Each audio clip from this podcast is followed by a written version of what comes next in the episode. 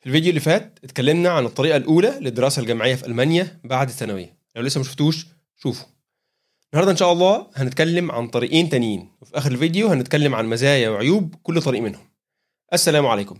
قبل ما أبدأ معلومة مهمة نسيت أقولها الفيديو اللي فات معذرة. البكالوريوس في ألمانيا ثلاث سنين حتى في الهندسة. الطب هو الاستثناء الوحيد. ست سنين برضه. معلش. لو بعد ما خلصت ثانوية عامة على طول عاوز تسافر تكمل دراستك في ألمانيا وأنت لسه مش معاك ألماني فده برضه ممكن. ساعتها أنت محتاج فيزا دراسة لغة. الحصول عليها سهل ومحتاج تسجل في كورس مكثف على الأقل 18 ساعة اسبوعيا ويكون معاك إثبات إنك تقدر تغطي مصاريفك لمدة الكورس. وده ممكن تثبته بأكتر من طريقة. الحساب المقفول ب 10000 يورو في السنة فلو حاجز كورس لمدة 6 شهور فأنت محتاج نص المبلغ بس أو منحة دراسية أو وثيقة ضمان مالي زي ما شرحناها في الفيديو اللي فات. أو إثبات إن والديك يقدروا يغطوا مصاريفك في فترة الكورس ويقرر منهم بالتكافل بالمصاريف ديت. خلال فترة دراسة اللغة ممكن تشتغل إما Minijob ودي دخلها ثابت 450 يورو في الشهر معفيين من أي ضرائب أو تشتغل part time لحد 20 ساعة أسبوعيا ودي دخلها على حسب الشغلانة.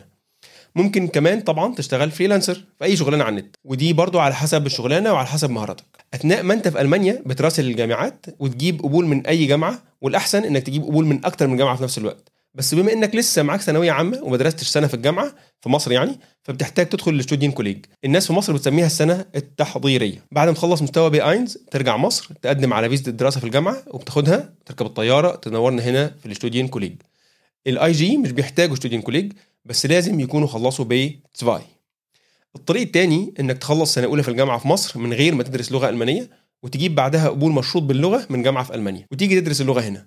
وساعتها مش بتحتاج بعد ما تخلص دراسة اللغة إنك ترجع مصر تاني تجيب فيزا دراسة لأنك أصلا جاي بفيزا دراسة. إيه هي مميزات وعيوب كل طريقة؟ الطريقة الرئيسية إنك تخلص سنة في الجامعة في مصر ومعاها B zwei فدي فيها كذا ميزة.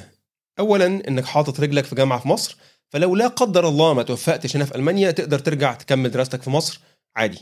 في خلال الفترة دي بتبقى عامل حاجة في الجامعة في مصر اسمها وقف قيد. ثانيا إنك بتبدأ دراسة في الجامعة من أول يوم. فأنت مشوار دراستك كله على بعضه ثلاث سنين لحد ما تخلص الدراسة. البكالوريوس يعني. أما العيوب فالعيب الأول إنك في أولى جامعة في مصر بتبقى محتاج تنجح في السنة ديت وكمان تخلص كورس الالماني وده محتاج حد عنده التزام وجدية عالية.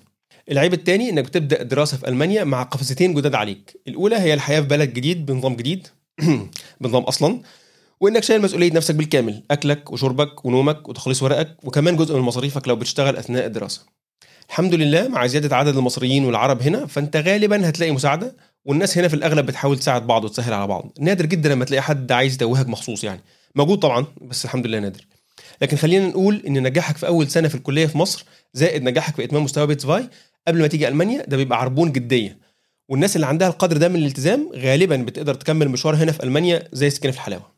الطريقة الثانية اللي هي إن أنت تيجي هنا تدرس لغة وأنت لسه مش معاك قبول في الجامعة دي فيها كذا ميزة. الأولى إنك بتيجي تجرب حياة الغربة والعيشة لوحدك والإنفاق جزئيا على نفسك بس أنت في نفس الوقت ما عندكش غير مسؤولية واحدة بس وهي دراسة اللغة.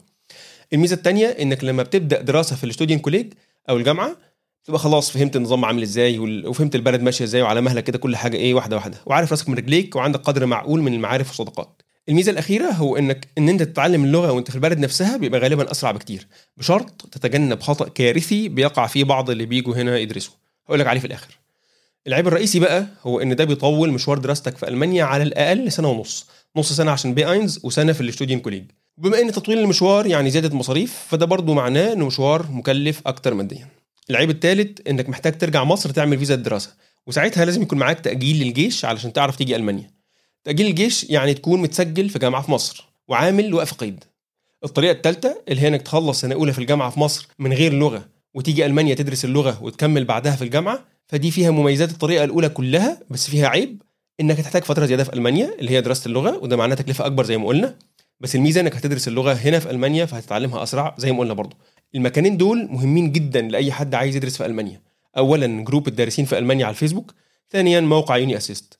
لو عندك أسئلة سيبها في التعليقات واشترك في القناة عشان توصلك إشعارات الحلقات الجديدة. إيه بقى الخطأ الكارثي اللي بيعمله بعض الناس اللي بيجوا هنا يدرسوا اللغة إنهم من أول يوم بيدوروا على شلة مصريين ويقضوا أغلب وقتهم مع بعض فبيضيعوا على نفسهم فرصة تسريع تعلم اللغة لأنهم في وسط مش بيتكلم غير ألماني. طب يا حبيبي كنت تقعد تدرسها في مصر مع أصحابك؟ عليك من إيه بالتكاليف دي كلها؟ يلا سلام عليكم.